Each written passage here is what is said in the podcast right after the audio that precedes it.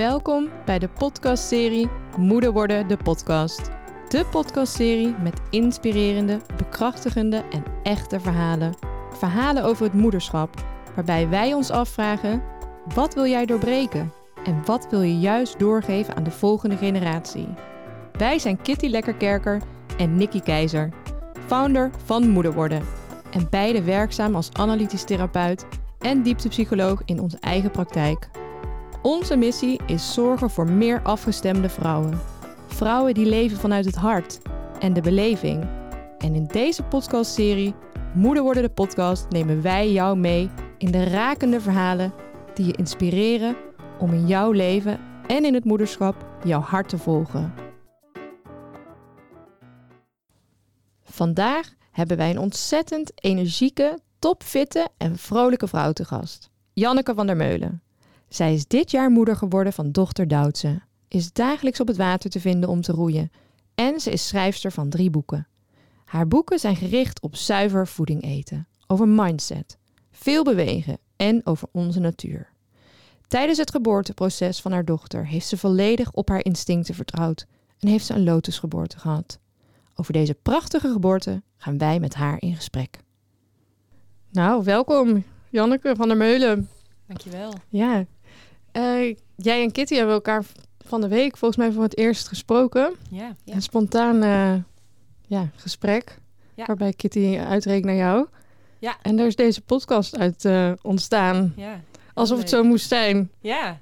Ja. ja. want ik was jou toevallig afgelopen tijd ook al ineens per ongeluk, terwijl ik je helemaal niet kende. En ineens kwam ik je overal tegen. Ja, fantastisch. Ze belde me van de week. Ik zeg, nou, supergoed geregeld, wat top zeg. Klinkt helemaal, helemaal leuk. Ging je opzoeken dacht ik, hé, die, die ken ik. die ben ik laatst een paar keer tegengekomen in de sportschool ja. en bij een event. Ja. ja, heel leuk. Ik ben heel blij, met, blij dat je er bent. Dankjewel. Ja. Ik, ben ook, uh, heel, ik vind het echt superleuk om hier te zijn. Omdat het een onderwerp is waar ik zelf echt uh, nou, heel erg mijn best moest doen... om gelijkgestemde en, en waardevolle informatie over te vinden... En zo zijn eigenlijk mijn andere drie boeken ook ontstaan. Oké, niemand heeft het dus nog geschreven. Dus dan moet ik het zelf maar gaan opschrijven. En ja. ik heb ook het gevoel met dit. Zo, je moet zo je best doen. Terwijl het eigenlijk zulke belangrijke, waardevolle informatie is. Dus toen dacht ik, nou ja, dan, dan beginnen we met een podcast. Het boek, dat gaat er nog komen. Ja, ja. En dus dank je wel ook voor de uitnodiging. Ja, echt fantastisch. Het is een onderwerp wat, wat ons allebei heel erg aanspreekt. Maar ik wil je iets vertellen over het verhaal wat jij uh, hier wil komen brengen. Ja, nou. En over wie jij bent misschien. Ja, nou wie ik ben, uh, dit, is, dit is wie ik ben. en, uh, maar er zijn wel een aantal dingen die ik heel erg leuk vind. Ik wilde als kind uh, regisseur worden. Dat ben ik ook geworden, maar ik, ik heb dan niet wie is de dader, maar ik heb als case hoe word ik zo, ja, zo, zo gezond en zo vrolijk mogelijk en wat moet ik daarvoor doen. Um, daar heb ik drie boeken over geschreven. En, en in mijn professie, zeg maar in mijn werk, betalen mensen mij heel veel geld zodat ze eigenlijk hun gedrag eindelijk eens in lijn gaan houden met wat ze echt zelf willen. Want we willen wel van alles, maar dat ook echt doen is super moeilijk. Nou, dat. En door mij heel veel geld te betalen en dan dat traject te volgen, dan doen ze dat ineens. Ja, dat is heel erg leuk. En Lijkt me fantastisch. Ja, is ook echt heel erg leuk. En dat noem ik de win-win methode. Omdat niet alleen jijzelf, maar ook uh, ja, de natuur en de dieren daar uh, heel veel beter van worden. Het is echt een win-win. Het is echt voor alles en iedereen is het gewoon veel beter om zo te gaan leven volgens de win-win methode. Want je helpt mensen naar een betere gezondheid, toch? Ja, fysiek en mentaal. Ja. Vooral dat mentale is heel belangrijk. Um, ja, die, die stem in je hoofd eigenlijk, die de hele dag tegen jou praat, die de, bij de meeste mensen beheerst die hun leven. Uh, maar ik zeg altijd, dat moet je omdraaien. Jij moet die stem beheersen. En uh, ja, dan wordt het heel erg leuk hier. Ja. In deze wereld van dualiteit. Kan je daar iets, iets over vertellen, over hoe je dat doet? Nou, ik, ik heb een hele methode uitgeschreven en die stoelt op drie principes. Uh, eerste is um, alle informatie, niet alle informatie, maar de meeste informatie haal ik uit meta-analyses en reviews. Dat zijn namelijk onderzoeksmethoden met heel veel bewijskracht. Waarom is dat belangrijk? Omdat we tegenwoordig is gezond eten, gezond leven is complex. Iedereen beweert iets anders en dan worden we helemaal scheidziek van. Nou, dat leg ik heel duidelijk uit hoe dat komt. Dat heeft te maken met verschillende onderzoeksmethoden. Maar gelukkig hebben we ook onderzoeksmethoden met heel veel bewijskracht. Um, dat wil niet zeggen dat het waarheid is. Ignoramus, dat betekent, uh, het is het kernprincipe van de wetenschap. Dat betekent geen enkele theorie is heilig, geen enkel idee is heilig. Maar ehm, daar zitten we er waarschijnlijk mee in de buurt. Nou, dat heb ik dus helemaal uitgeschreven ook in mijn boeken. Tweede principe waar we op uh, waar we de methode op gebaseerd is, is eenheidsbewustzijn. Want hoe verschillend we allemaal ook zijn, we leven op één planeet. Dus we zijn, of we het nou willen of niet, allemaal super met elkaar verbonden. Uh, en het derde principe is topsportprincipes.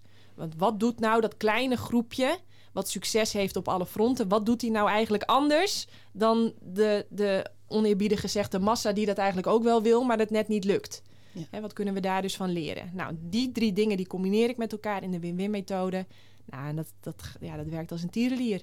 Dus dat is superleuk. Ja, nog even een aanvulling voor de luisteraar. Jij bent topsporter, maar jij eet vegan. Ik, uh, ik ben geen topsporter, maar ik vind het wel heel erg leuk om te sporten.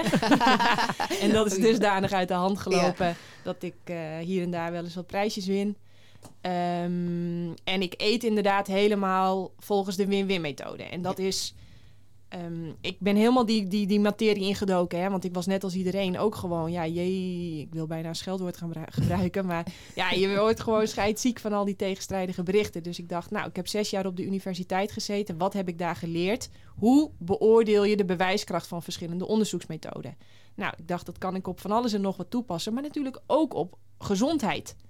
Dus wat heb ik gedaan? Ik heb die, ben die wetenschap ingedoken en heb ik alleen die onderzoeken met heel veel bewijskracht. Die heb ik allemaal op een rijtje gezet. Wat komt er nou eigenlijk al 130 jaar lang naar voren als het meest optimale dieet voor, voor mens, dier en aarde? Nou, en dat, dat, dat weten we al heel lang. We weten eigenlijk al super lang dat wij, en dat is ook allemaal heel logisch, wij zijn fruiteters. He, onze handen, tanden, enzymen in onze mond, de zuur in onze maag, de lengte van onze darmen, onze ogen. Wij zijn helemaal ontworpen voor het spotten, plukken, eten en verteren van fruit. Dat is ook de reden waarom we zo ongelooflijk van zoet houden. Ja. En van kleurtjes en mooie geurtjes. En, ja. en ja. Um, dus inderdaad, ik eet helemaal plantaardig. En, en het gros van mijn calorieën haal ik uit fruit. En ik heb als een topsporter heb ik ook zeg maar een wedstrijdje gemaakt in de supermarkt. Van stel je voor, we gaan alle producten in de supermarkt gaan we een wedstrijdje met elkaar gaan laten doen. En dan gaan we kijken van oké, wat heeft de beste suikers, de beste vitamine, de beste mineralen, de beste fytonutriënten. Hè? Dus we gaan alles, we gaan een hele. En we laten ze dan een wedstrijdje doen. Dan is de top 5 is met stip op één fruit gevolgd door bladgroen, kruiden, kiemen en zeewier. En dat is, dat, is, dat is het ultieme dieet voor de mens. Dus als je daar zoveel mogelijk van je calorieën uit gaat halen, nou dat zul je echt merken, fysiek, mentaal, ga je echt. Dat is natuurlijk ook logisch, hè? Hoe meer jij gaat eten in overeenstemming met je anatomie, hoe beter de machine, om het maar even zo te zeggen, zijn werk kan doen. Ja. En daar profiteer je gewoon ontzettend van. Mooi. En dat weten nog niet heel veel mensen, lijkt wel. Nee, nee, nee, nee. Maar steeds meer hoor. Ja. Het is bizar. Het is erg bizar. Mijn boeken worden massaal gelezen en ook de blogs. En um, ik heb echt het gevoel. Is dat een gevoel? Nou ja, in ieder geval het idee ja. dat we uh, wakker aan het worden zijn. Ja. Wat bedoel je daarmee? Nou, dat het bewustzijn heel erg groeit van uh, oké, okay, uh, wat eet ik eigenlijk? Waar komt dat eigenlijk vandaan? Ja. Wil ik dat eigenlijk wel? Wil ik daar wel aan bijdragen? Hè? Bijvoorbeeld de intensieve veeteelt. Tja, ik ken weinig mensen die daar heel enthousiast van worden. Dat is toch zoiets van, ja, wil ik daar wel aan bijdragen, ja of de nee? Wil ik wel dat dat kalfje direct na de geboorte bij haar moeder weg wordt getrokken, zodat ik kaas kan eten en kwark en yoghurt? En, en wil ik dat eigenlijk wel? Nou, dat, is, dat zijn toch vragen die we, die we misschien een hele tijd geleden onszelf helemaal niet stelden. Je was blij dat je te eten had. Hm. Maar nu, we hebben heel veel keuze. Ja, en dan... Dus ik heb het idee dat het bewustzijn daarover ook groeit. Van, uh, ja, wat wil ik eten? Waar wil ik mezelf mee voeden? Wat wil ik eigenlijk in mijn lijf hebben? Ja en nee. Ja. Ja, en ook het bewustzijn van jezelf eigenlijk. Ik heb wel gemerkt, als je heel zuiver eet... dan gaat er ook een soort waas uit je hoofd. Absoluut, ja. absoluut. Ja, ik ben daar zelf... Uh, als, uh, ik eet nu al meer dan tien jaar zo en, en probeer zoveel mogelijk, biologisch lukt niet altijd, maar ja, zo min mogelijk shit. Dat is bizar over ik, ik kan je zoveel verhalen vertellen dat ik bijvoorbeeld... Nou, één, één grappig verhaal. Wij roeien iedere ochtend roeien wij op de Amstel. En uh, nou, dat is hartstikke vroeg. En soms is het een beetje mistig, maar goed. Het, het, het, het, is, het, is, het is hartstikke rustig. Dus als je goed je eigen wal houdt, is het heel erg veilig. En ik lig eerst s'avonds in bed en mijn vriend zegt, wat is er met jou aan de hand? Ja, ik zeg ineens allemaal vrachtschepen op de Amstel. Hij zegt allemaal vrachtschepen op de Amstel. Ja, ik zeg ja. Ja, nou, hij zegt, want hij kent mij natuurlijk. Hij weet wel als ik zulke dingen zeg of ineens zo'n ingeving heb, dat moeten we serieus nemen, want ik zit er, nou ja, eigenlijk nooit naast. Nee. Dus uh, hij zegt tegen mij, nou weet je, die bocht daar bij Oude Kerk, die is gevaarlijk. Daar moet je gewoon goed uitkijken. Nou, en toen zijn we lekker gaan slapen. En de volgende ochtend, normaal roei ik altijd voorop, maar ik roei dus een keer achteraan. En ik kijk om. En in, in, inderdaad, in die bocht, vol een vrachtschip. Nou, ik krijg ook weer kippenvel. Ik krijg ook kippenvel. Ik heb geschreeuwd, geschreeuwd, want ja, we, ze, en uh, nou ja, goed, het is allemaal goed gekomen. En daarna nog een vrachtschip. En nog een vrachtschip. Oh. En nog een vrachtschip. Nou, bizar. Zulke dingen, weet Ja. je wel. Ehm, en ik denk inderdaad dat dat, dat dat... Hoe zuiverder je bent, hoe schoner je bent... zowel fysiek als mentaal als emotioneel natuurlijk ook... Ja. Ja, hoe beter je... mm, Ja, eh, weet ik veel... In, in contact staat met je hogere zelf. Met je, Ja, in met, verbinding. in je, met je gidsen, met je engelen, met je... Ja, ik noem het altijd mijn engeltje op mijn schouder... die altijd met mij meekijkt. Ja. Eh, maar Een soort ja, afgestemdheid, hè? ja, je- give it a name. nou, Ja. dat Ja. soort dingen. Ja. Ja, mooi. En je- ik heb dat eh, ergens geluisterd, dat je, dat je op rond je vijftiende ben je helemaal plantaardig gaan eten. Nee, ik ben begonnen met vegetarisch eten. Alleen, ehm, waarom? Ik wilde als kind wilde ik al helemaal wilde ik vegetarisch worden. vegetarisch gaan eten. Dus eh, eh, mijn juf die had uitgelegd van het is een beetje gek dat we goed voor honden zorgen, maar varkens die even intelligent zijn, ja, die eten we dan gewoon op. Nou, dat sloeg bij mij in als een bom. Ik dacht, ja, dat is raar, dat is raar, dat wil ik niet meer. Dus ik kom thuis, ik zeg tegen mijn ouders, nou, vanaf nu ga ik vegetarisch eten. nou, Dat heb ik ook een keer gedaan, maar daar werd hetzelfde op gereageerd. En mijn ouders dachten, oh jee, daar hebben we weer zo'n goed idee van Janneke. En ehm, nou, mijn vader, die, die begreep het eigenlijk wel. Die, die was direct wel van, want dat is ook echt zo'n ongelofelijke natuurliefhebber.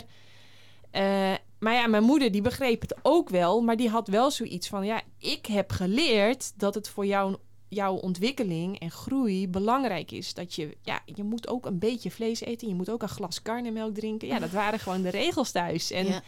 ja, en ik was inderdaad groot, sterk en gezond. Dus ja, eh, waarom zou zij ineens haar koers wijzigen?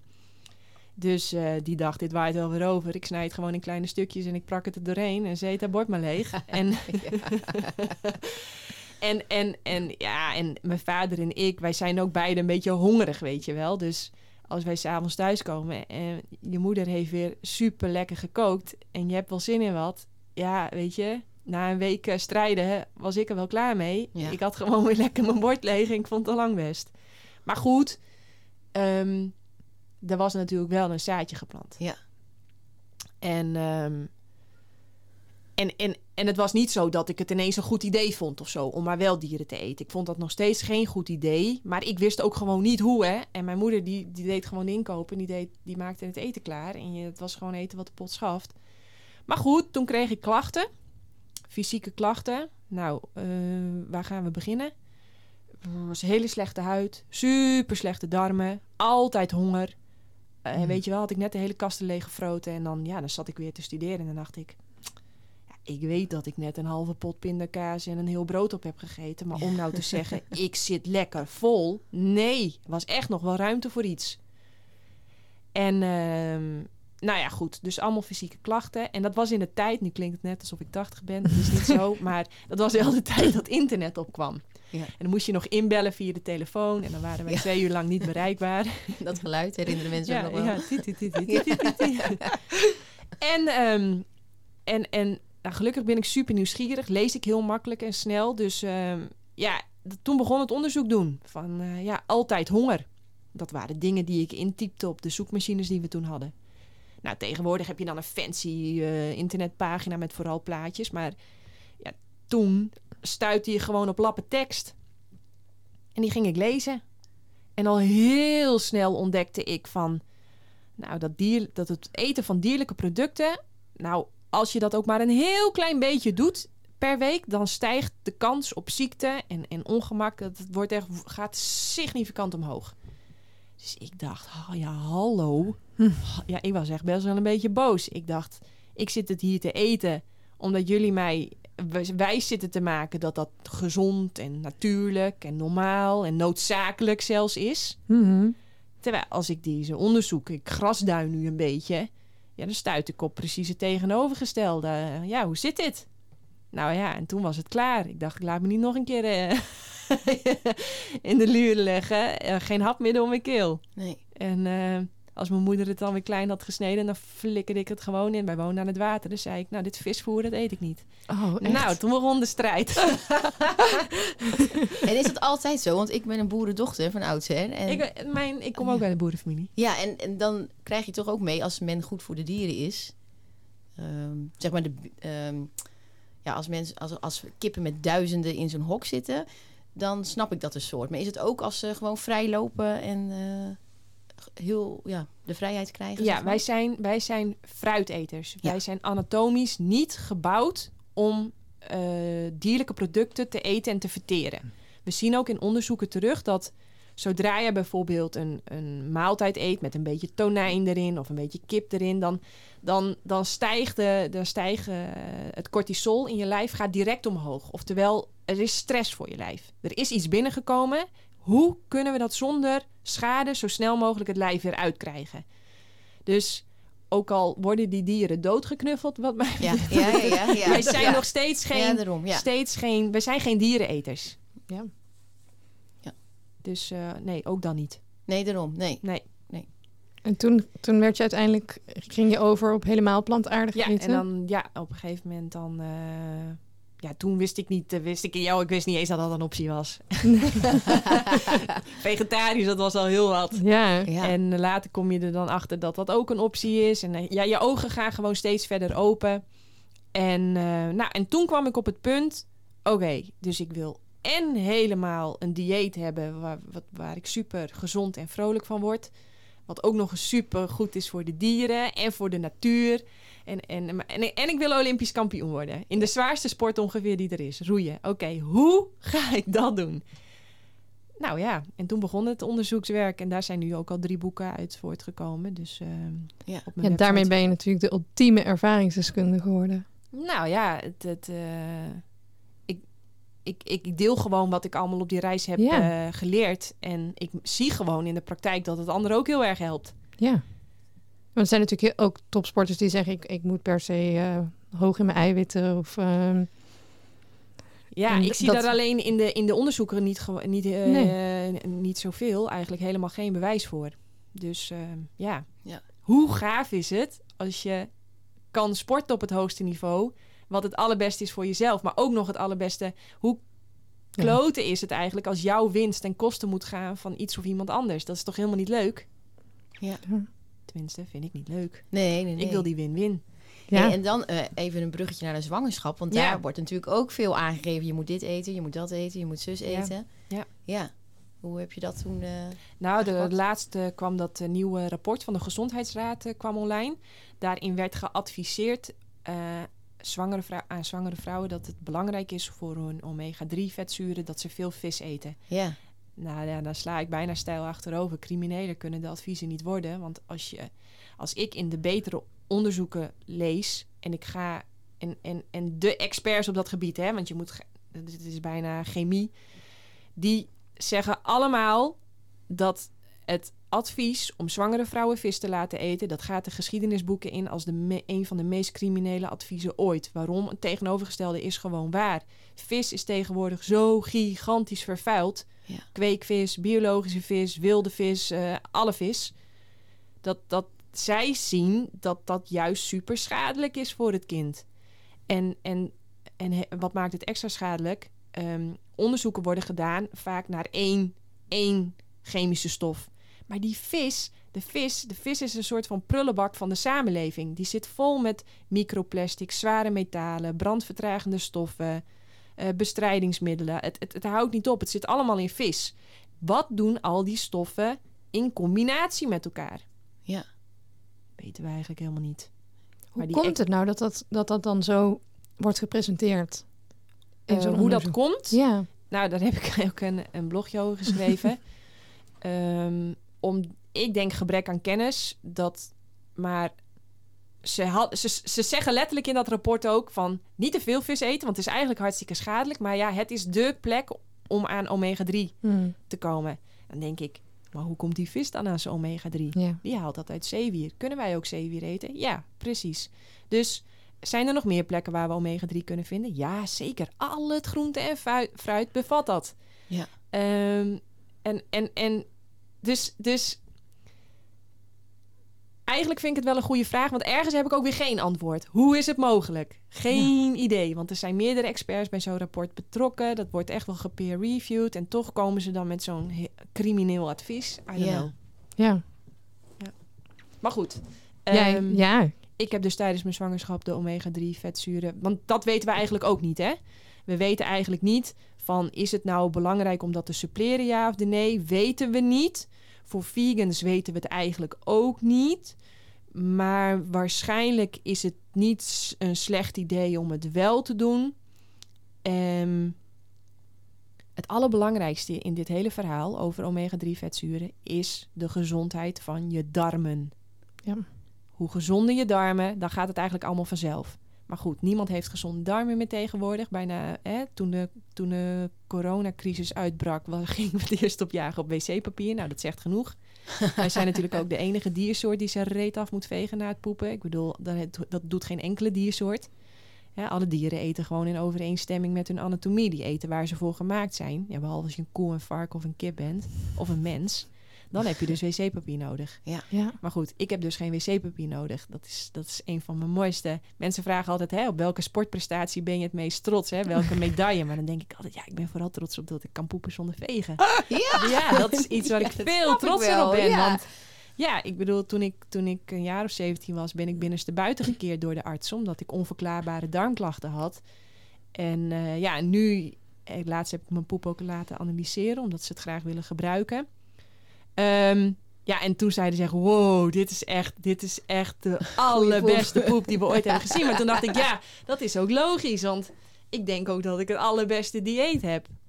Ja. Eh, maar goed, in dit verhaal over omega-3, daar begon het over. eh, is het waarschijnlijk het raadzaam om eh, omega-3 uit algen te Mhm. suppleren? Mhm. Maar wij weten het eigenlijk niet eens zeker. Nee. Maar doe het maar waarschijnlijk wel. Zoiets is het. Dus ik heb het gedaan. Maar Ik heb het laatst laten testen. Dat was heel slecht bijvoorbeeld. Dus, Oh. toen, dus nu slik ik vegan algen omega-3. oké, ja. En ik vroeg me inderdaad af van... hoe weet jij dat bijvoorbeeld? Weet je dat van jezelf? Hoe, hoe dat er aan toe is? Nou ja, eh, een beetje kennis is wel handig. Eh, we hebben ongeveer een verhouding van 1 op 1 omega-3, omega-6 nodig. Maar wij, onze, de hele supermarkt, voor 99% van alle producten, zit er bomvol omega-6. Ja. Dat is logisch, want dat houdt een product houdbaar. Eh, kun je het volgen? Ja, ja, ja. Ik, Oké. vind ik zit met concentreren. op- Ja. Oké.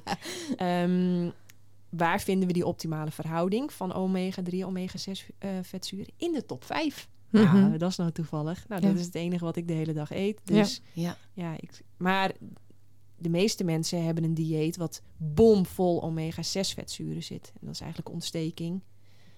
Ehm, dus eh, Ja. En hoe heb je de zwangerschap ervaren? Als je zo ja, topfit bent. ja.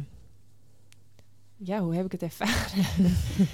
Ehm, nou, hartstikke leuk. Ik vond het wel leuk eigenlijk. Ja. Ik heb, ehm, ik dacht, eh, nou, ik heb heel, eh, ik had helemaal mijn agenda vrijgemaakt en eh, nou heel weinig. ik dacht, ik ga heel weinig werken en zo, want ja, ik weet ik veel wat er gaat gebeuren. Maar ja, op een gegeven moment zei ik tegen Mitchell, ik zei, ja, ik zit wel een boekje te lezen de hele dag, maar ik zei, ik, ja, ik vind mijn werk eigenlijk hartstikke leuk. Nou, hij zegt, dan ga je toch nog een groep eh, training geven. Nou, dat heb ik. dus ik ben eigenlijk steeds weer meer gaan werken, want ja, ik voelde me gewoon hartstikke goed. Ja. Ik ben gewoon twee keer per dag blijven trainen.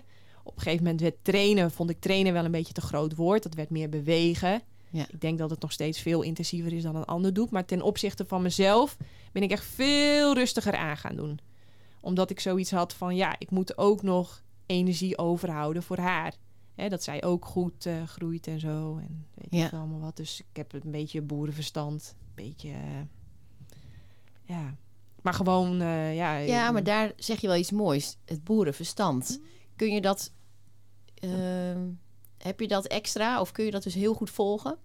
Ja, ik, ik Verstand, denk, intuïtie. ja, intuïtie. Ik, ja, het heeft mij nooit in de steek gelaten. Hè? Dus dan krijg je ook een bepaalde mate van zelfvertrouwen. Ik kan daar echt op bouwen. Ik kan daar echt Ja. naar luisteren. Ik mag daar ook echt naar luisteren, want het is het, het altijd goed.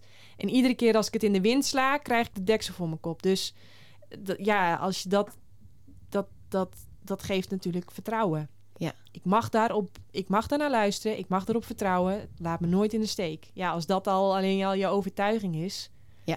Dat is natuurlijk enorm, enorm krachtig. Een, Ja. een soort van basisvertrouwen waarin je eigen koers vaart. Ja, En waarbij ja, je, je niet je laat meet aan anderen, maar heel erg een innerlijk Ik ben de expert. Precies. Ik ben de expert. Niemand anders. ik ben de expert. Ik heb altijd het laatste woord. En als het om mij gaat, hè. Ja. En ik ben namelijk wel eens... Ik heb natuurlijk ook wel eens naar een expert geluisterd. Maar dat, dat, dat, dan ging het stroef en dan ging het niet. Dacht ik, nee Janneke, je moet naar jezelf blijven luisteren. Als, als jij het zo voelt, dan moet je het zo doen. Ja. En ehm, ja, Kreeg je dat van thuis mee? Dat je, weet je, Ja, werd aangemoedigd wel- ja. om eh, zelf na te denken. En Ja. om, eh, ja. Want dat, dat, zo voelt het voor mij. Ik heb het echt moeten leren toen ik moeder werd.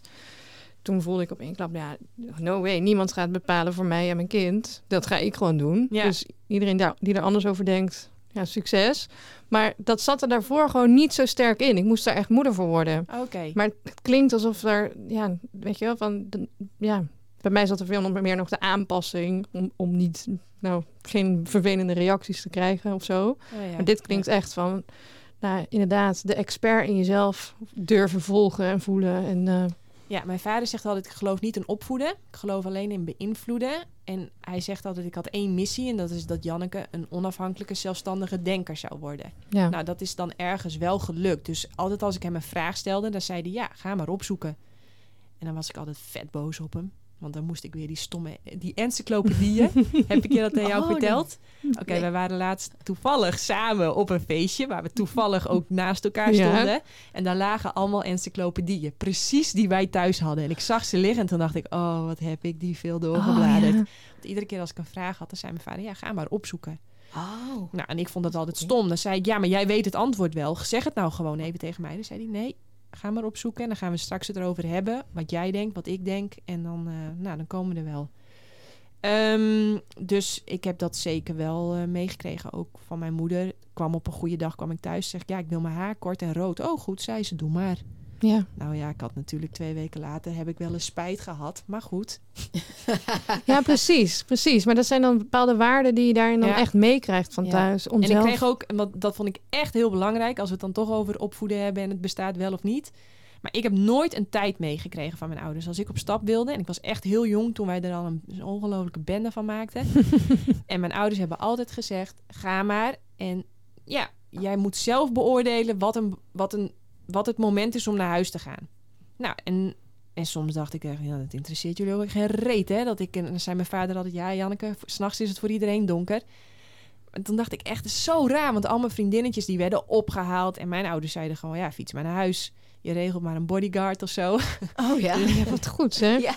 Maar ehm, daarmee, ik denk dat dat ook wel bij heeft gedragen. En ik sportte altijd. En ik was er heel snel achter. Als je te veel suipt en je moet de volgende dag een wedstrijd spelen, dat wil niet. Nee. Dus op een gegeven moment, ik was al 15, toen dacht ik, ik ga niet meer suipen. Want dat werkt niet. Want ik wil en op stap en volgende dag een wedstrijd winnen. Dat ging niet samen. Dus ik dacht, ik moet stoppen met Hmm. drinken. Dus nooit meer gedronken. Ook niet gerookt. Ehm, maar dat, dat draagt wel bij van, oh ja, oké. eh. En wat ik zag bij vriendinnetjes die wel een tijd meekregen, die gingen liegen, bedriegen, manipuleren. En, en, en tegen zichzelf, tegen hun ouders, dacht ik, oh jeetje, wat, dit is ook vervelend. Ik kon wel gewoon heel eerlijk zijn tegen mijn ouders. Ja, ze zullen het ongetwijfeld niet overal mee eens zijn geweest. Maar ja, het bleef wel open kaart. En al die vriendinnen die dan ja, belachelijk vroeg naar huis moesten. Ik bedoel, ze zijn toch zelf ook jong geweest. Je weet toch wel dat je niet om 12 uur al naar huis moet. Dan begint het feest net. Hou op. Eh, maar die, wat deden die dan? Afmelden door het raam weer naar buiten klimmen. En ik stond er dan bij en dacht ik, holy shit, ik ben ook nog medeplichtig aan dit. En, en ik kom die ouders morgen ook onder ogen. Hè? En dan, ja, nou ja, dan begint het gekonkel al. Ja. Verschrikkelijk. Maar Ja. goed, ik heb eh, antwoord op je vraag. Ik denk inderdaad wel ehm, dat ik dat al. En ik zie ook heel vaak, jouw verhaal zie ik heel vaak gebeuren. En dan denk ik, nou, dat is natuurlijk aan de ene kant hartstikke mooi. Maar het is wel al direct, dan moet je je wel daar direct bij al best wel Zeker. ingewikkelde, moeilijke dingen die bijna, hè, je hebt verantwoordelijkheid namelijk over iemand anders, moet je dat ineens gaan ontwikkelen. Mm. Ja. en dat is natuurlijk niet zo. kijk, Er is wel een weg aan vooraf gegaan. Tuurlijk. Maar, en dat komt denk ik iedere keer in, in stapjes. Mhm.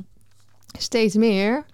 Maar ik kan wel zien dat dat niet. eh, ja, dat het een, een weg is voor Ja. mij. Die zat er niet eh, zeg maar, standaard zo in. in. Dus voor iedereen een weg. Waarom?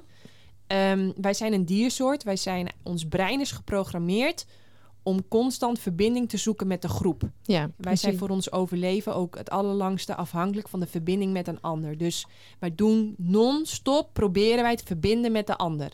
Zelfs zo erg dat het soms ten koste gaat van de verbinding met onszelf. Ja. Dus het is niet raar. Het is normaal. Het is heel, het is heel normaal dat als iedereen rechts gaat en jij, jij voelt van ja, maar we moeten links, dat dat een bepaalde spanning geeft. En dat je daarin moet oefenen. En dat, dat, dat je zelfvertrouwen moet winnen om, om, om dat ook te durven dan. Ja. Dat, is, dat is niet gek. Nee. En nu, nu spraken jullie elkaar hè, afgelopen week. Mhm. En toen kwam daar het verhaal van jouw lotusgeboorte in naar voren. Ja. Daarvoor ben je eigenlijk hier ook, hè? Ja. Ik ben ja, heel benieuwd naar dat verhaal en hoe dat tot stand is gekomen. Dat je, ja, dat je voelde, ik, ik wil dat op, op die manier doen. Ja, ik heb daar nog een aanvulling op. Want omdat je net zei van ik moest heel veel opzoeken. Wist jij al daarvan? Of ben je dat ook op gaan zoeken tijdens je zwangerschap? Nee, hele sterke gevoelens. Ja, oh, dus ja. eh, ik wist, ik, ik voelde precies hoe ik het wilde. Maar ja, dat staat helemaal haaks eigenlijk op wat je non-stop hoort en Ja. leest en geadviseerd krijgt. Dus nou, ik zal even helemaal bij het begin beginnen. Ja. Het is voor mij echt heel lang de vraag geweest of ik überhaupt moeder wilde worden. Nou, dat was onze, eigenlijk onze eerste vraag. Dus Ja. het komt nu aan bod. Ah ja, dat was voor mij dat is zo'n moeilijke vraag. Ja? Ik vond het zo moeilijk. En, en om, maar dat ook omdat ik alles wat ik doe, vind ik zo leuk. Dacht, ja, ik, als, als ik dan de verantwoordelijkheid eh, zeg maar, neem om, om iemand te gaan begeleiden zeg maar, hier op aarde, ja, dat, dat, dat kan er niet even bij. Nee. Moet je wel heel veel tijd en energie voor vrijmaken. Wil ik dat wel? Ja. En ehm, nou, heel veel over nagedacht. Verschrikkelijk veel over nagedacht. En op een gegeven moment werd ik wakker. Toen dacht ik, Janneke, als je al 15 jaar, iedere dag, hè, want zo erg was het wel. Ik was er iedere dag over aan het nadelen. Wel niet, wel niet. En hoe ga ik dat dan doen? En hoe... ja. Toen dacht ik, als je daar zo vaak en zoveel over nadenkt, over iets wat je echt niet wil, dat is wel een beetje gek, hè? en toen dacht ik, oh ja, tuurlijk, dan wil ik het dus blijkbaar wel heel graag. Nou, had ik eh, tegen mijn vriend gezegd van, en we hadden het natuurlijk ook al heel vaak erover gehad. En hij, hij was ook zo van eh, twijfel, twijfel. Het leek hem heel erg leuk, maar ja, ja, nou ja dat. En, ehm, en in augustus, ja, dan voel ik me echt altijd, dat is bizar. Dan fiets ik zo hard en dan roei ik zo hard. En, en dan, dan ben ik echt altijd helemaal... Misschien komt dat omdat we een hele zomer achter de rug hebben... en dat mijn vitamine D-niveaus helemaal sky high zijn. Maar dan voel ik me echt altijd... Ik zei, dus ik zei tegen mijn vriend, dan moet het gebeuren. dus ik zei, laten we het dan zo doen. Augustus 2021, dan mag je raak schieten. Nou, hij zegt, dat is goed. dit, was, dit was augustus 2020. Dus ik zeg dat s'avonds tegen hem. Nou, hij zegt dat is goed en we gaan slapen. en toen werden we de volgende ochtend wakker. En toen dachten we, we gaan helemaal niet een jaar wachten. Zijn we helemaal gek geworden. Maar goed, toen was het ook direct raak. Dus eh, er was ook geen weg meer terug. Ja. En, ehm, en, en, en toen had ik al heel veel... eh, toen had ik bijvoorbeeld dat boek van eh Suzanne Smit... Zwanger met hart en ziel, had ik al gelezen. En ik had al heel veel dingen gelezen. Omdat ik... Ik Ik zag een hem vooral. ja, ja, ik had Oh. al heel veel gelezen. Ik dacht, ik wil, ik wil niet in de heat of the moment eigenlijk mijn wedstrijd nog moeten voorbereiden. Ik wil niet tijdens mijn wedstrijd nog moeten gaan trainen van wat moet ik eigenlijk doen. Nee, ik leer als topsporter voor de wedstrijd. Dat, daar, daar, dat is de voorbereiding. Dus ik moest, ik wilde eigenlijk dat ik al, al helemaal klaar was om zo maar te zeggen. Dat ik alleen nog maar eh, ja, een beetje hoefde te broeden. dus ehm, ik had echt al heel veel huiswerk gedaan. En ehm, wat ik ook heel leuk vond, eventjes een zijstapje. Suzanne eh, die schrijft dan in haar boek dat ze een soort van symbool heeft... waarmee ze het idee heeft dat de ziel van haar kindje de hele tijd... eh, Oh, ja. En dat vond ik heel erg leuk. En eh, nou, wij hadden zo de eh, we hadden eindelijk voor het echi. Al het Ja. oefenen, nu mocht het. En ehm, wat ook misschien heel leuk is... Ik was al tien jaar lang helemaal vrij van anticonceptie. Dus wij, wij, wij eh, gebruikten een condoom. Ja. En... eh, eh, want ik denk dat dat, dat dat voor heel veel vrouwen ook bemoeilijkt om zwanger te worden. Als je zo ongelooflijk lang hormoon, eh, anticonceptie hebt gebruikt. Ja. Dan, dan, dan, ja, dan moet je lijf natuurlijk wel even schakelen. Maar goed, ik was er al helemaal vrij van. Ik was al tien jaar lang was ik daarmee gestopt. Dus dat was wel, denk ik, echt een voordeel. Maar in ieder geval, ik eh, had op de planning staan om een halve marathon te lopen. Gewoon een beetje training. En eh, ik was aan het hardlopen. En, en, en op een gegeven moment voelde ik gewoon, ja, ik ben zwanger. En op dat moment, zoef, zoefde er een duif. Een duif. Voor, echt rakelings voor mij langs. Ik dacht, oh jee, dat is ze. Dit, dit was haar teken, weet je wel. Dat ze, dat ze, dat ze inderdaad, dat we, ja, dat, Ja. dat zij er ook was. En ehm, nou, toen gingen we, weet ik veel, iets later gingen we samen mountainbiken, Mitchell en ik.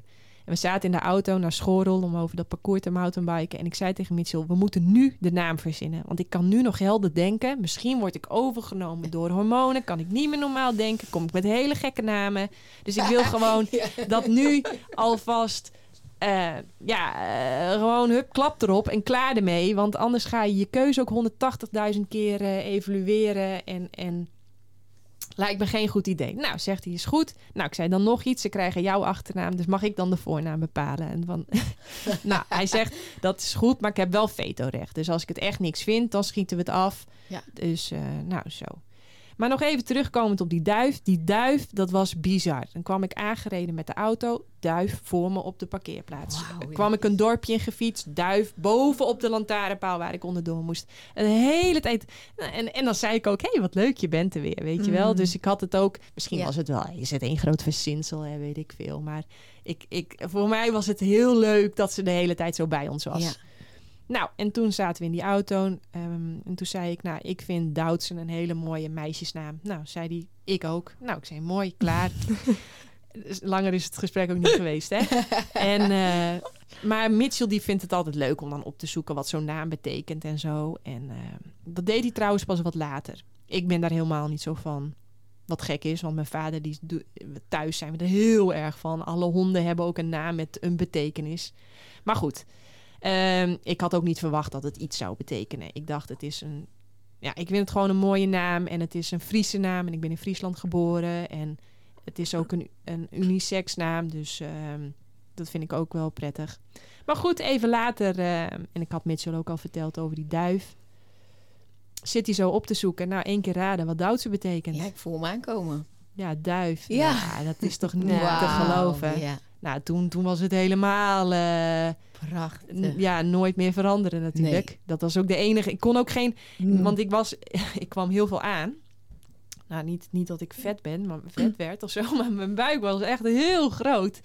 Dus en ik heb natuurlijk geen echo's laten maken... en een verloskundige nooit laten voelen. Oh, ja, dat Dus, gaan we het zo eh, nog even over Ja, hebben, dus ik heb dat helemaal. eh, Ik wilde dat gewoon helemaal. Ik, ik, had, ik had echt geen bevestiging van een expert nodig die mij ging vertellen dat dit goed ging. Want ik zie ook een patroon bij vriendinnen van mij. Hè, dan gaan ze die echo's laten maken. Dan is het hoofd weer te groot, dan is het hoofd weer te klein, dan is de buik weer te groot, is de buik weer te klein, te veel water, te weinig water.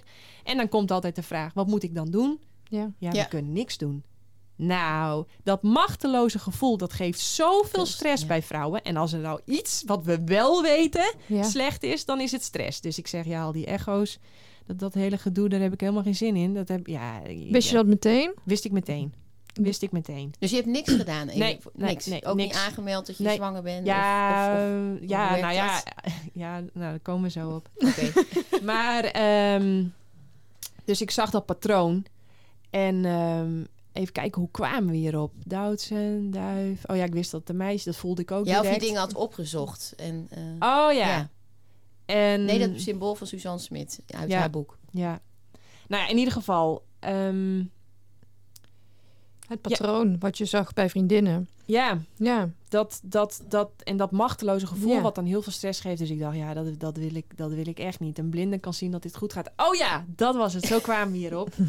en mijn buik groeide echt. Ik had echt Oh ja, een hele grote buik. En toen zei Mitchell de hele tijd van, ja, dit worden er twee. Ik wist zeker dat het er één was. Maar ik wist zeker, het is één meisje. Maar goed, hij zei, ja, je, hè, als je ook keek naar de kilo's die je aankwam... zat ik op het lijntje van zwanger van een tweeling. Maar er kon bij mij ook geen andere naam in. Het, dat, dat, dat, dat lukte niet. Als, dacht ik, ja, als het twee, ja, geen idee hoe die dan moet heten. Gewoon geen idee. En als het een jongen wordt, ook, vond ik ook super lastig. Ik was zo, toen heb ik op een gegeven moment mijn brein wel echt opengebroken. Zo van, Janneke, straks zit je er helemaal naast. Hè, en krijg je twee jongens of één jongen. Of, Ja. ja, dan, dan, dan je dus be open-minded. Hou het open. Maar dat, het was zo sterk, dat gevoel. Ik wist dat zo zeker op een of andere gekke manier. Maar goed, het was dus ook zo. Maar, eh, maar ik heb dat dus wel opengebroken. Dus dat wilde ik nog even zeggen. Dat dat zo grappig was met die naam. Maar goed. Ehm, ja, dus ehm, dat boekje van Suzanne Smit, Zwanger met hart en ziel, dat vond ik een heel leuk boek. Maar goed, even nog terug, want ik wist dus niet, wil ik moeder worden? Maar altijd als iemand mij vroeg, wil je dat? Dan zei ik, nou, ik weet het niet. Ik laat dat nog lekker open. Ik heb alle tijd. Ik heb heel veel voorbeelden in mijn omgeving van vrouwen die al richting de 40 gaan en dan nog heel gezond drie kinderen krijgen bijvoorbeeld. Dus ik heb ook helemaal geen haast. Dat komt wel wanneer het komt. Maar, zei ik dan altijd, als het dan toch mag, dan wordt die geboorte, dat, dat, de bevalling, dat wordt mijn beste orgasme ooit. Wauw, dat zei je toen al. Ja, dat zei ik toen altijd voor de grap. Nou, dan werd ik natuurlijk keihard uitgelachen. Hè? Zo van, nou meisje, Oh, zo. jouw ja. tijd komt nog wel en dan ga je het wel beleven. Ja. Dus, eh, maar ik heb dat gewoon tegen iedereen blij, ben ik dat blijven zeggen. Tot eh, vijf jaar geleden ik het boek vond Orgasmic Bird. Dus ik heb tegen iedereen, jongens, weten jullie nog dat jullie mij zo uitgelachen hebben over dat het gekke idee? Maar er worden zelfs boeken over geschreven. Ja. hè? Zo gek was mijn ideetje Nee. nog niet. En ehm, nou ja, dus dat boek gelezen. Ja, dus vijf jaar geleden. Ja, dit boek Lees heb je ik dat al- dan? Ja. Ja, ja, ja, dus ik heb dat boek ook. Ja, dat is, dat is, dat, ja, dat is, toch, dat is toch geniaal, hè? Want dat Ja. begint gewoon een beetje uit, vanuit gekkigheid bij mij. Zo van, want iedereen die. Ik hoor heel veel horrorverhalen en eh, het is allemaal pijn en lijden en verschrikkelijk. En dan denk ik, ja, jongens, dat, dat lijkt. dat- dat- dat- dan komt weer dat, dat, dat gevoel bij mij, hè? Dan, dan, dat heb ik wel vaak en dan vertellen mensen een verhaal aan mij. En dan denk ik, nee, klopt niet. nou, eh, ja, dan schrik ik soms zelf al van. Dan denk ik, nou, Janneke. Maar, nee, klopt niet. Dan voel ik gewoon, klopt voor, dat, dat, nee, klopt niet. Klopt, ja. Ja. Heel vervelend. Ook soms voor mezelf. ja. Tenminste, vind ja. ik. Want, Maar, goed, als mensen dus horrorverhalen vertellen over een gebeurte, dan denk ik, nee, klopt niet. Nee, dat, dat kan ik niet.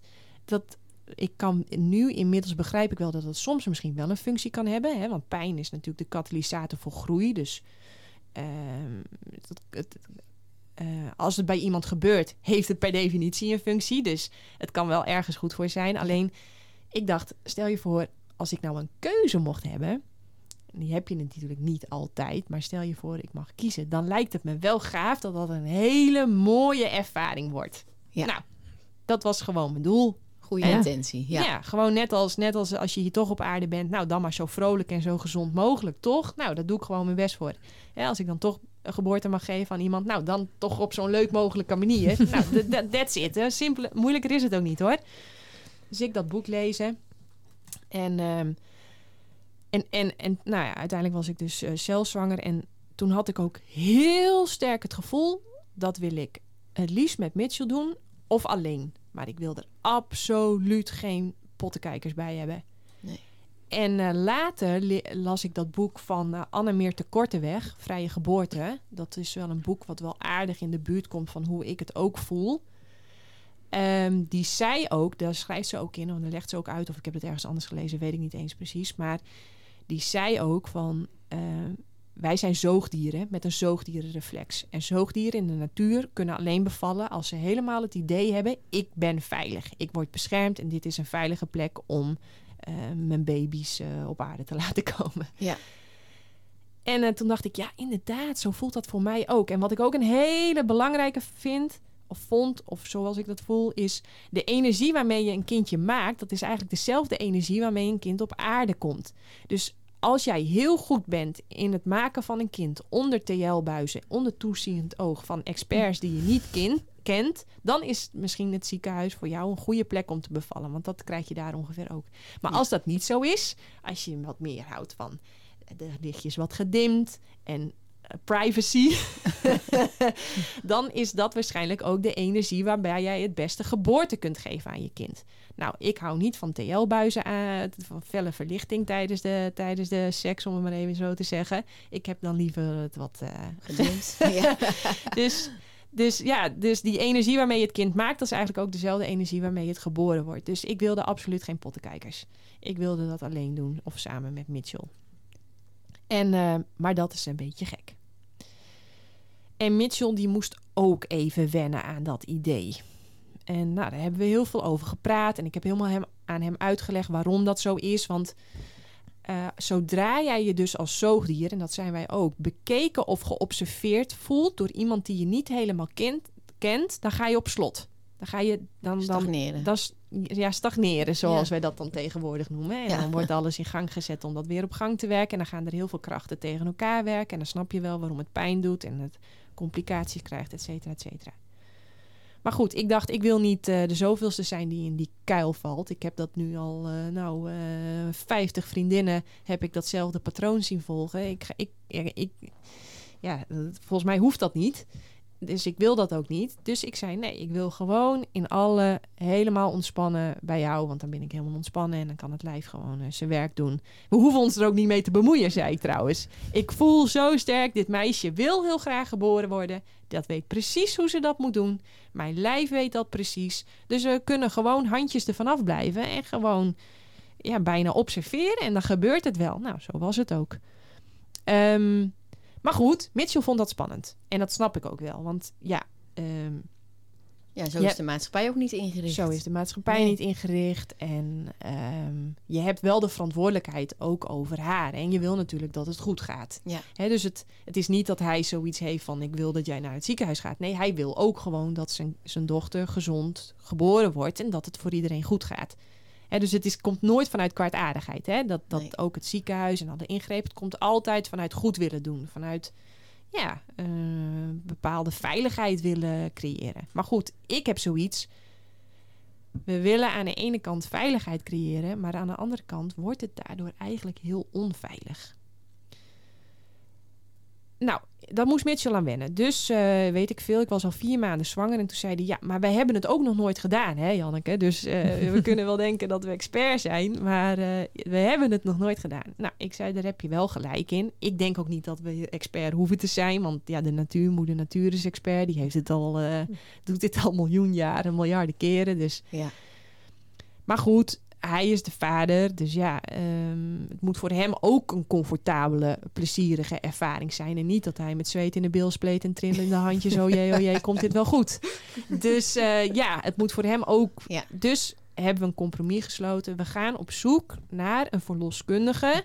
die eh 15 kilometer verderop of, of, of bij de buren of zo... in de buurt wil zijn. Hè? Dat we iemand Ja. hebben waar we op terug kunnen vallen. Nou, zoeken, zoeken, zoeken, zoeken, zoeken. Dat is moeilijk. Iemand vinden die zo'n klein ego of heeft. Ja. Dat, dat, dat ze ook niet wil helpen. Nou, toen dachten we dat we iemand gevonden hadden. Maar die bleek het, toen puntje bij paaltje kwam, toch allemaal wel wat spannend te vinden. Maar die dacht, weet je wat, ik doe het, gooi het gewoon een beetje op de spiriwiri-tour. Dan krijg ik Janneke wel om. Dus eh, die had, eh, weet je, die wilde dan toch gaan voelen en weet ik veel allemaal wat. Maar ja, ik was gewoon helder, dat gaan we niet doen. Eh, Er zijn vier handen die komen. Dat zijn mijn, die van mij en die van Mitchell. En verder. En ik hoef echt niet bevestiging van haar te hebben dat ze goed ligt. Ik voelde al lang dat ze met het hoofdje naar beneden lag. Ik hoef ook niet de bevestiging dat ze goed groeit. Dat kan een blinde wel zien. Dus ja, ik, dus nee, dat was een nee. Nou, die vond dat best wel. Die werd heel onzeker eigenlijk van mij. Dus eh, toen dacht ik, zei tegen Mitchell, ik zei, ik heb net met haar gebeld. Ik zei, ik moest erom denken, want ik ging bijna haar coachen. Ze zo onzeker. Ik zei, heb ik natuurlijk niet gedaan. Maar ik zei, dit lijkt me niet... eh, dat is echt het allerlaatste wat je wil hebben. Iemand die onzeker is. Want als je onzeker bent, dan word je bang. En wie gaat handelen uit angst? Nou, daar komen nooit goede dingen uit voor. Dus Nou, en zoals we hier per toeval, toeval, toeval ook weer bij elkaar zitten en eh, per toeval op elkaars pad zijn gekomen, Ja. kwam ik toen ook per toeval op het pad van Michelle ten Berge. Zij begeleidt al heel lang in Nederland stellen die unassisted, zoals we dat dan noemen, geboorte willen geven aan hun kind. Oh, prachtig. Ja, en die, die eh, ook zo fantastisch hoe ze dat. Dus Mitchell heeft alle gesprekken ook. Ik heb één keer ook met een verloskundige gebeld en een, een keer daar gezeten met mijn jas nog aan. Eh, maar ik dacht, ja, we doen dit, Mitchell, deze verloskundige, dat doen we voor jou. Dus jij gaat ook alle gesprekken met haar doen en jij gaat ook alles. En als er wat is, jij belt met haar. Ik heb daar geen zin in. Ehm, dus dat heeft hij gedaan. Maar M- Michelle, daar konden we echt vanaf het begin mee lezen en schrijven. En wat ook super slim was, die heeft gewoon met Mitchell eventjes heel mannelijk als dit, dan dat, als dit, dan dat. Je moet hierop letten, dan dat. En Mitchell die had gewoon, ja, die, die had gewoon super veel kennis. Ik heb natuurlijk ook heel veel verteld en gedeeld over wat ik allemaal gelezen heb. En we hebben samen heel veel documentaires gekeken. Maar ja, hij had ook echt zoiets van: oké, als dit, dan dat. En we wonen heel dicht bij het AMC. En wat ook echt wel een voordeel is: mijn moeder was ook in de buurt en die heeft 45 jaar lang op de kinderafdeling gewerkt. En toen mijn zusje is geboren, die werd veel te vroeg geboren. Toen was er niemand. Dus toen heeft zij vanuit haar kraambed de zuster die toevallig langsliep, de instructies gegeven hoe mijn zusje in leven te houden, om het eigenlijk maar zo te zeggen. Dus dat is ook wel prettig. Hè? Een gigantische bak met ervaring als moeder Ja. die we ook op de achtergrond hebben. Dus we wonen dicht bij het AMC. ehm, nou ja, goed. Hè, dus, maar wat dus, hè, Mitchell vond het in het begin heel spannend, maar op een gegeven moment snapte hij het. Toen dacht Ja. hij, oh ja, dat ziekenhuis, dat klinkt heel veilig. Maar eigenlijk is het dus veel slimmer om gewoon die hele veilige situatie thuis te creëren. Zodat Janneke helemaal kan ontspannen. De natuur gewoon zijn werk kan doen. Die hormonen allemaal hun werk kunnen doen. En dan, ja, dan wordt dat kind gewoon geboren. nou ja, zo. Ehm, dus ehm, eh, Michelle gevonden. Die zei ook fantastisch. Dit is precies eigenlijk zoals het moet. Ja. Ieder stel moet eigenlijk het helemaal zelf kunnen. Maar lukt het dan niet? Of gebeurt er iets wat je niet verwacht? Of niet op voor? Dan kun je natuurlijk gewoon hulp vragen. En dat is dan ook prima. Maar eigenlijk zou iedereen het ook helemaal zelf moeten kunnen doen. Eh, en zij was gewoon op de, op de, op de achtergrond. En ehm, ja. Ehm, Echt fantastisch, hè? Heel, ook weer zo heel krachtig. Ja, maar, maar het is wel grappig. Ik heb heel vaak tegen Mitchell gezegd... het is maar goed dat ik ook al met dat veganisme... en veganisme en topsport en eh, allemaal dingen... dat ik al heel Ja. vaak en veel geoefend heb met... nee, het gaat op mijn manier. Ja. Als ik het zo voel, dan doen we het zo. En mijn poot stijf houden, hè? Want Ja. ze hebben echt... Hè, die eerste verloskundige die we hadden, we dachten, dit is kat in bakkie, dit komt helemaal goed. Die is daar vertrouwd mee, die weet wat ze moet doen. Ik heb ook heel vaak tegen haar gezegd, stel je voor, we bellen jou wel en je moet komen en we geven jou en we zeggen, nu ben jij de kapitein op het schip, dan moet je die rol ook gewoon pakken. En ik weet zeker dat je dat kunt. Eh, maar dat, dat, dat, dat vond ze ook op een gegeven moment al heel spannend. Eh, hoe kwam ik hierop? Ja, kreeg je nou veel weerstand? Want dat, dat, je zei van, ik heb natuurlijk al veel geoefend in gewoon mijn eigen koers varen. Ja, Ik denk dat het voor vrouwen voor wie dit nieuw is, ja. dat, dat dat ook soms maakt dat je dus niet helemaal durft om te gaan staan voor wat je wil. Omdat Ja. je denkt, ja, maar de reacties of ik ben dus die uitzondering. Als je het hebt over die, dat oergevoel van bij de groep horen, Ja. dan gaat het natuurlijk ook, eh, dat gaat dan lopen. Dat gaat dan lopen. Ja, dus ik heb wel heel vaak tegen mensen gezegd... het is maar goed dat ik dat heel vaak geoefend heb... want ik heb dat nu ook wel echt nodig gehad. Waarom? Eh, dat viel mij ook op. Ze praten ongeveer 100% over de tijd...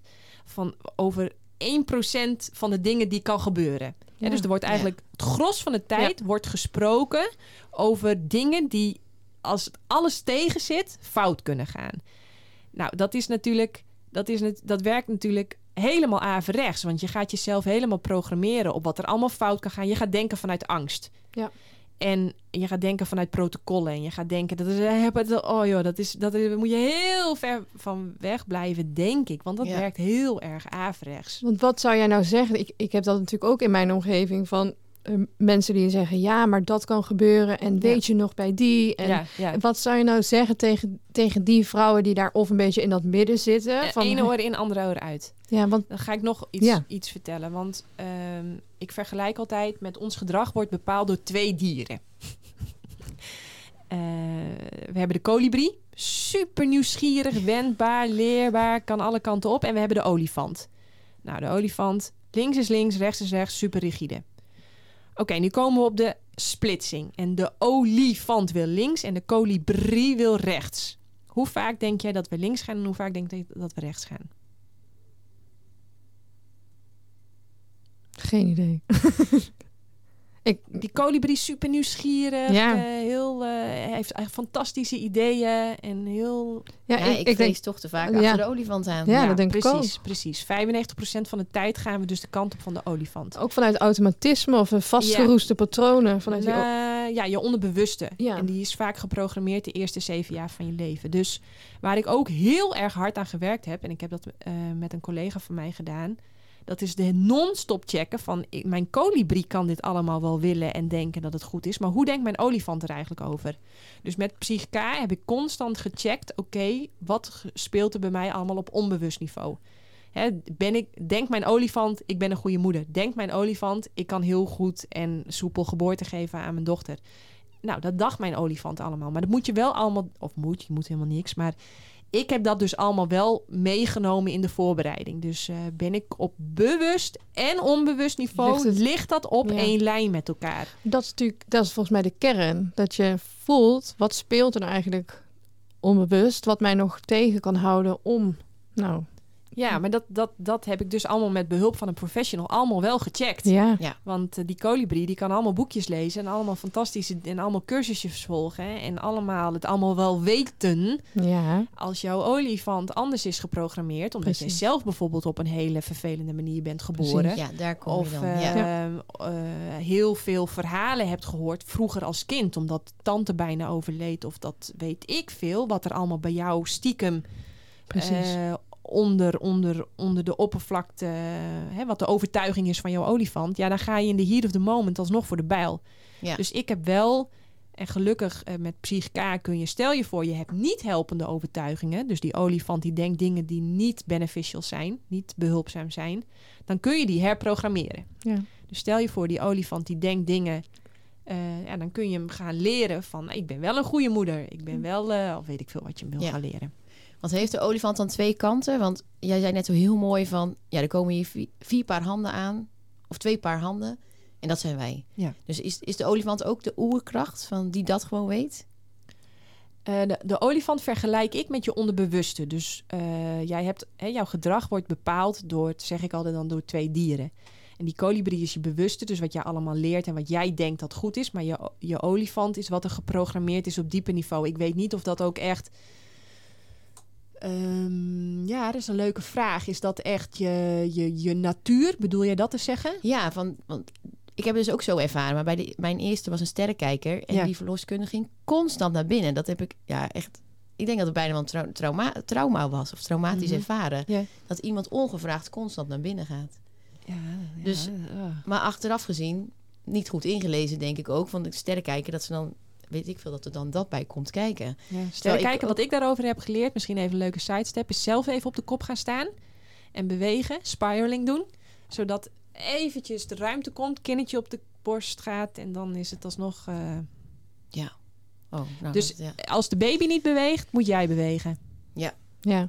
Nou, En- ik, ik vond gewoon, ik dacht, maar achteraf gezien weet ik, ik wist ook gelijk, dit is geen goede energie wat er hier nu gebeurt. Ja. Dus dat je dan denk ik, ja, weet die olifanten, of is dat misschien een ander stuk in jezelf? Dat echte oerstuk van. Ik denk dat weten daaronder ligt. Als die olifant, eh, als daar nog pijn zit, of eh, oude, nou, oude programmeringen, als die opgeruimd zijn, Ja. dan kom je, dan zak je in die, in denk ik in die oerkracht of in, je, in die verbinding met je eigen bron of je essentie of het innerlijk weten, ja, neem het. Maar Ja. want dit, ik, wij, wij werken natuurlijk vanuit de analytische therapie en dan zie je gewoon die herhalingen vaak terugkomen.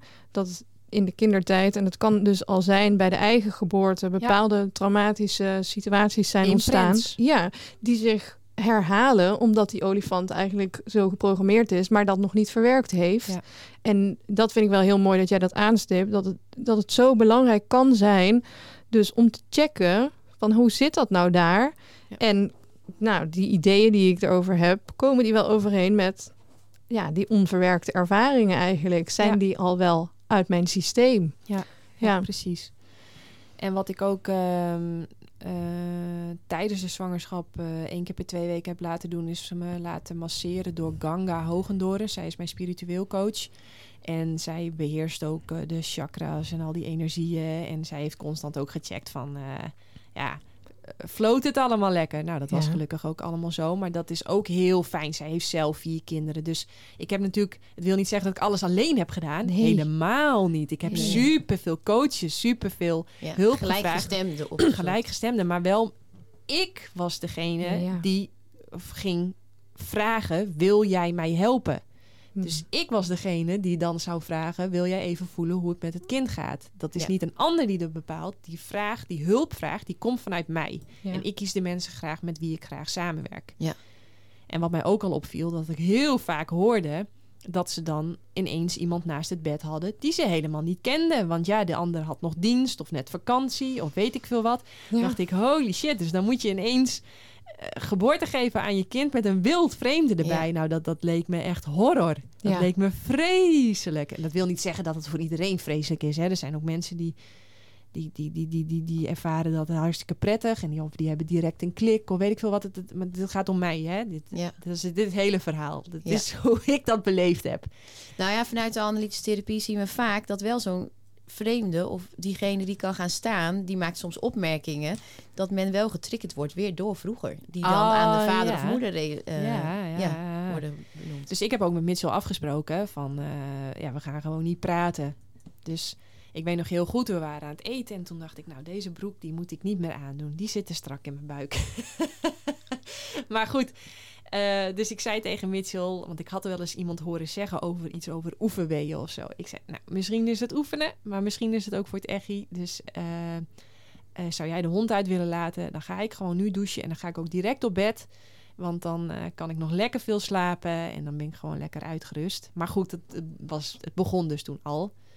En toen kwam die thuis de hond uitlaten. En toen zei ik, volgens mij is het wel begonnen. Want het is, eh, dat, dat, dat, dat, dat, die broek die heb ik nu uit. ik heb nog steeds dat gevoel in mijn buik. En het komt heel regelmatig terug. Dus, ehm, en wat ik ook leuk vond, ik had die documentaire gezien. Jullie weten vast hoe die heet. Dat is met die dolfijnen ook. Ehm, Ehm, nou, die vrouw in ieder geval. eh, Gaan we opzoeken. Gaan we opzoeken. En eh, die zei, nou, je hebt nu anderhalf uur naar een documentaire gekeken. Maar onthoud één ding, spiraling. Dus dat is dat, dat draaiende gevoel met je heupen. Ja. Nou, ik dacht, eh, klinkt logisch. Dat is ook de vorm waar alle natuur uit is opgebouwd. Eh, dat is echt de, de, de, de, de basisvorm van alle vormen. En ehm, dus ik, dat vond ik direct heel logisch klinken. Dus ehm, nou ja, op een gegeven moment werden die, die weeën of golven, of hoe je ze ook maar noemen wil, die werden wel dusdanig intens dat ik dacht, nou, dit wordt al tijd om te gaan spiralen. of hoe je het ook maar noemt. En dat heeft ontzettend goed geholpen. Dus iedere keer als er dan weer wat op ging, hup, dan ging ik op handen en knieën zitten. En dan ging ik even spiralen en dan zakte het inderdaad direct weer weg. Dus ehm, ik heb heel veel gespiral, gespirald. En ook ademwerk gedaan dan? Nee, ik heb gewoon, ik heb gewoon eh, gedaan alsof ik sliep. Dus compleet ontspanning. Gewoon helemaal overgeven. Maar oh, zo fijn dat wij een grote slaapkamer hebben met een grote badkamer daaraan. En ik kon lekker bewegen op de manier waarop ik wilde. En ik kon een scheet laten wanneer ik dat wilde. En ik kon even lekker op de wc gaan zitten wanneer ik dat wilde. Mhm. En Mitchell had ook een badje klaargezet. Ik ben helemaal niet van in bad gaan. Maar iedereen zei, Janneke, dat is zo fijn een badje. Dus ik had heel pragmatisch gewoon tegen Mitchell gezegd van... dat badje, ik zie het niet voor me, maar iedereen is er lyrisch over. Dus weet je wat, we zetten lekker een badje klaar. Ja. dus Mitchell had het bad eh, met water erin dat op temperatuur. En de grap is, op een gegeven moment... eh, eh, wat ik ook heel grappig vind, ik heb heel veel vriendinnetjes die zijn arts en die zeggen: Ja, maar hoe weet je dan wanneer je moet gaan persen? Nou, dat vind ik ook zo fascinerend. Ja. Dat hoef je niet te weten, want dat doet het lichaam gewoon zelf. Daar hoef je je niet mee te bemoeien. Dat is niet iets wat jij doet, dat doet je lijf. Ja. Hè? Je baarmoeder heeft een drukkracht van 30 kilo. Als die gaat drukken, nou, dan kun je, kun je doen wat je wil, maar dat, dat, dat, dat, dat- ja, nou goed. Dus je lijf bepaalt dat. Dus eh, wanneer, eh, wanneer de persweeën dan beginnen, nou, don't worry, be happy. Dat, dat, dat doet het lijf zelf. maar goed, dat begon dus bij mij. En toen had ik ineens het idee van, ik wil toch wel even in dat badje zitten. Dus ik stap dat badje in. En ik zit op mijn handen en knieën in dat badje. En er komt een, een perswee. Nou, ik heb een geluid gemaakt. Nou, ik ga hem niet herhalen, maar... eh, Maar ik denk prachtig een oergeluid. Of... nou ja, hoe noem het een oergeluid. Ja. Het was echt... Oh, Ja, weet ik ja, ja. Ja, maar dat zijn toch de meest intense geluiden, ja. Ja, nou ja, dat was het. En, en ik zei, ik heb het hoofdje al. Ik heb het Oh. hoofdje al. Dus toen was het hoofdje er al. Nou, en toen kwam er nog, nog zo'n... eh, oh, en toen had ik haar al. En toen had ik haar al zelf vast. Hè. Dus Oh. mensen vragen ook heel... Wie vangt haar dan op? Ja, dat doe je toch gewoon zelf. Tenminste, zo ja. Ja. Dat, dat ik, ik had echt, wie vangt haar dan op? Ik kan er zelf toch gewoon bij. En hoe was dat? Was het zo orgastisch als je... Nee, nee, nee, nee, nee. Dus ik weet niet of er ooit een tweede komt, maar dat is wel mijn volgende doel. Ja, oh zo. Ik heb namelijk wel al iemand in Nederland gevonden, Jo Janneke, eh, die dat eh, ook zo ervaren heeft. En, eh, maar die kreeg ik, heb ik heel veel contact mee opgenomen. Maar ja, hè, zo makkelijk als dit gaat, zo stroef ging dat. Dus het was mijn tijd nog niet, of zo. Oh zo, Ehm, om, met haar, om haar in contact te krijgen. ja. Ja. Ja, dus mocht er dan ooit nog, misschien dan is dat wel mijn doel om de. Dus nee, het was, het was ik, ik vond dat laatste gedeelte. Wat, wat heel leuk is tussen die weeën door, dan is het gewoon, eh, nou ja, dan kun je een boekje lezen of fluiten of weet ik veel wat je wil. Ja, ik heb gewoon geslapen, maar dan is er niks aan de hand, hè. Maar ik vond die laatste dingen, dat is wel intens. Ja. Mhm. Ik heb ook wel, de Mitchell heeft twee keer wel wat gezegd, namelijk ontspannen. Toen dacht ik, oh ja, ontspannen. Ja. Maar het was wel, eh, dat lijf, dat gaat wel, eh, dat Ja, moet er even wat eind. uitwerken. Als je denkt dat het niet meer kan, dan ben je ja, bijna. nou ja, goed, dat wist ik ook heel goed. Ik heb Ja. dat gelukkig nooit gedacht. Ik dacht echt, eh, al duurt het nog drie jaar, weet je wel. gewoon in het nu blijven. Ja, want dat zie ik ook als heel veel gemaakte fout. Dat, dat, of fout, fout, er is geen fout. Maar ik moet even, jij moet voorzichtig zijn met de woorden die je gebruikt. Maar wat ik vaak zie gebeuren is dat, dat, dat we dan met onze gedachten eigenlijk naar de toekomst gaan. Hè? En zeggen van dit kan ik nooit meer nog heel lang volhouden. Terwijl misschien hoeft het ook wel helemaal niet. Hè? Nee. Als je gewoon in het nu blijft en, en wee voor wee, ademteug voor ademteug, gewoon in het nu blijft. En je, en je laat je niet gek maken door dat hoofd. Dan, dan... Dus ik had ook de hele tijd, ah ja, weet je al, duurt dit nog drie dagen? Ja, ja, Ja. ja. Wordt het water wel De- koud in het bad, maar... Ja, dat helpt niet zo wel warm. Dat is ook niet eens een probleem. Vond je Nee, dan maar- helemaal niet zwaar? Ja, ik vond het wel, wel ja, het is Ja. wel een bepaalde manier, vind ik het wel. eh, ja, het was wel, ik was wel, ik ben echt heel blij dat ik super fit en, en Ja, hele goede conditie en zo snel kan herstellen. Was ik wel echt, ik dacht, hoe doe je dit als je niet fit bent, als je niet Ja. sterk bent, als je niet, niet rustig bent in je hoofd? Dan, eh, Ja. Dus nou, daar dat pleit je ook wel voor. Dan van ja, dat Ja, draagt ja, natuurlijk had- enorm bij. Ik had wel echt het gevoel dat alles wat ik had, zeg maar, fysiek, mentaal, emotioneel, spiritueel, ik heb alles ten tonele moeten, ik heb alles moeten gebruiken. Ja, ja. Ja. Ja. Ja. Ja, ja, dat vond ik wel. Ja, je krijgt het niet cadeau, zeg maar. Hè? Van, eh, Nee, je moet, Nee. Je moet nee, dat eh, kunnen ontspannen alleen al, weet je. Nou, ik ben zo blij dat ik dat dus goed kan, want, want het is heel erg behulpzaam geweest, denk ik. Maar ja, het is op een bepaalde manier wel, ehm, ja, wat ik zeg, alles wat ik had, heb ik wel eh, moeten gebruiken. ja. Ook nu denk ik, goh, hoe doe je dit? We hebben zo'n makkelijk meisje, hè? Ze, ze, ze, ze slaapt en ze lacht en ze groeit goed en ze eet goed. Maar zelfs dan heb ik alles wat ik heb, heb ik wel nodig. Ja. Ja. Het is op een bepaalde manier toch demanding, terwijl ze is niet eens demanding. Dus Ja, je zou maar... Ik weet ook nog heel goed, eh zes, zeven, acht weken geleden heeft ze een keer gehuild. We, we, ja, we waren naar het... We, we hadden... Want ze het is nu vier maanden, hè? ja. Ja. ja. En eh, ze, we, ze had eigenlijk al op bed gemoeten, dat voelde ik al. Maar we waren op een plek waar ook een zwembad is. En van 30 graden. Dus ja, wij vonden het eigenlijk ook wel leuk. Want hoe zou zij dat vinden om in het zwembad te gaan? Dus dat was eigenlijk al te laat. En mijn moedergevoel zei ook, dit meisje moet gewoon op bed. We- Ze heeft al heel veel meegemaakt vandaag. Maar ja, dan heb je ook een vader. Hè, die vinden dat natuurlijk vet cool. Huppakee. dus ik heb me over laten halen en toch gaan in het zwembad. Nou, ze vond het prachtig. Ze vond het echt prachtig.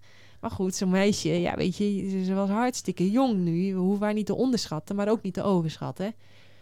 En eh, nou, eh, op een gegeven moment zeg ik, nou, hup, uit dat zwembad. Want ze moet ook wel een beetje op temperatuur blijven en zo. En, eh, dus ik droog haar af. En toen dacht ik, nou, dan leg ik haar alvast even in de bedje. En dan kan ik me ook even omkleden. Maar of ze had water in de oren, of ze was koud, of ze had zoiets van: waar ben ik nu weer beland? Weer op een vreemd bed. Maar ze ging huilen. Nou, dat hadden wij dus nog niet meegemaakt. Dus ik denk dat zij drie minuten gehuild heeft. Maar ik heb echt haar helemaal van je bent veilig en ik ben bij je. We, we gaan, ik ga gewoon zo bij jou slapen. Ik moest echt alles. Nou, en gelukkig heeft ze maar drie minuten gehuild. Maar ik zei direct tegen Mitchell: Dit was maar drie minuten, hè? En Ja. ik ben supersterk. Jij bent supersterk. We zijn beide supergoed uitgerust. Mijn moeder kwam ook direct helpen. Dus we hadden alles. Maar je zou dat allemaal maar niet hebben. En dat kind zou niet alleen drie minuten heel af en toe huilen, maar heel vaak, heel lang huilen. Wow, respect. Ja. Echt Ja. respect. Ja. Echt respect. Ja. Echt zo, zo. Wat, dan heb je alles wat je hebt, moet je in de strijd gooien om rustig te blijven. Om ook nog voor dat kind te kunnen zorgen. Wow. Ja. Hey, ik wou nog heel even terug naar de bevalling. Want jij Ja. hebt, ehm, even over de placenta. Want die Ja. heb jij er de langer aan. Bij een lotusgeboorte zit hij er langer aan. Ja, ja. Kun je daar wat over vertellen? Ook over de voeding die er nog in zit? Ja. En- Ja, Ehm, wij hebben er dus voor gekozen om eh, de placenta en dus de navelstreng intact te laten tot drie dagen na de geboorte. Er viel mij iets op. Ehm, ik ben natuurlijk heel veel met voeding en gezondheid bezig en een van de meeste tekorten die wij hebben is ijzertekort. En dat, dat, ik denk, hoe kan dat nou? Hoe kan dat nou? Wat blijkt nou? Eh, bijna in alle landen, in alle ziekenhuizen, wordt direct na de geboorte die navelstreng doorgeknipt. Eh, terwijl we waarschijnlijk weten dat er nog heel veel voedingsstoffen, waaronder heel veel ijzer, eh, in die placenta zit. En er is nog heel lang wisselwerking tussen de placenta en de baby. Dus ik vind het zo raar om die direct door te knippen. Ik dacht, wat is daar de functie eigenlijk van? Waarom doen we dat? En eigenlijk was het antwoord de hele tijd, ja, dat is lekker makkelijk. Dat is gewoon makkelijk. Ja, werkt makkelijk. Ja, hup, doorklikken. en Ja, knippen. omdat je anders de placenta elke keer meeneemt. Ja, omdat je anders die placenta meeneemt. En eh, ja, weet ik veel. Ja, ja, ja, ei- ei- eigenlijk weten we niet eens waarom we doen. Ja, we knippen hem gewoon door. Ja, ja, Ja. doen we gewoon. Maar ik dacht, is dat wel logisch? Want stel je voor, er zit dus nog heel veel ijzer in die placenta. Dat, m- dat de babytje heeft dus eigenlijk al een ijzertekort. Dat gaat dan via de moedermelk heel veel ijzer bij de moeder vragen. Waardoor heel veel vrouwen dus ook weer dan een ijzertekort krijgen. En zo houden we eigenlijk, generatie op generatie, houden we elkaar eigenlijk in een schaarste. Dus ik dacht, wat me ook opviel, altijd als die navelstreng door wordt geknipt, dan begint de baby te huilen. Hé, hey, wat gek. Dus ja dan, ja, dan gaat de rechercheur Janneke, die gaat gewoon weer op onderzoek uit. Van hoe Ja. zit dat, hoe werkt dat, wat zijn de voordelen, wat zijn de nadelen, waarom doen we eigenlijk wat we doen? Ja, dat, waarom doen we eigenlijk wat we doen? Waarom doen we dat? Nou, Ja. ik kon geen goed argument vinden voor het doorknippen. Helemaal juist bij kinderen die te vroeg worden geboren of een beetje in stress. Juist met een keizersnee laat het intact. Want ook spiritueel gezien, hè, het is Ja. iets wat het kind kent, heel lang aan verbonden is. Dus ehm, ja, Ja, en Nou. ook iets van de vitamine K heb je, sa- Ja. las ik in jouw blog. Dat vond ik ook zo mooi. Want ik denk dat, dat ja, er wordt verteld dat je dat erbij moet geven. ja. Maar als je die placenta er langer aan Ja. laat zitten, dan hoeft dat waarschijnlijk niet. nee, dan hoeft dat waarschijnlijk niet. En ehm, heel veel stamcellen, heel veel. Ja, echt, er zit nog zo gigantisch veel in. Ja. En als mensen ja, denken van, nou, of als vrouwen denken, dat kan ik niet, want je moet hem Kan ik inpe- niet? Ja, weet je, je moet hem inpekelen in zout. Dat kan iedereen. Even voor de, Oh, als men ja. denkt van, ja, maar hoe dan? Of De praktisch aspect. ja, Ja. Nou, dat is eh, gewoon schoonmaken, even onder de kraan dat ding. ja. nou ja, ja. En dan maak je, heb je mooie theedoeken. En dan doe je heel veel grof Keltisch zeezout in die theedoek op die placenta. Dan wikkel je goed in. En het babytje trek je een slaapzakje aan, zodat het gewoon zonder spanning op het naveltje vlakbij het kindje blijft. Of in een bakje. En eh, ja, dan sleur je dat inderdaad die eerste dagen even achter dat kind aan. Maar ja, sleuren, je gaat er geen wereldreis mee maken. Je ligt in Nee, je bed. Nee. En dat kind ligt bij je. Dus eh, ja, ja, Ja, om even heel praktisch te maken. Iedereen kan dat. Als je het zou willen, dan kan het. ja, Daarom. ja, ja zeker. Nou heb ik bijvoorbeeld een halve lotus gedaan en heb ik de placenta laten capsuleren Oh ja, ja, eh, bij de tweede. ja. Wat, heb, je daar, heb je dat nog overwogen? Ja, of- heb ik overwogen, maar daar voelde ik niks bij. Nee, Dus ja, dan is toch weer... eh, dan gaat het gevoel... eh, ja. Ja, ja, ja, Ja. Dus ik wilde dat niet. En ehm, wij hebben ook...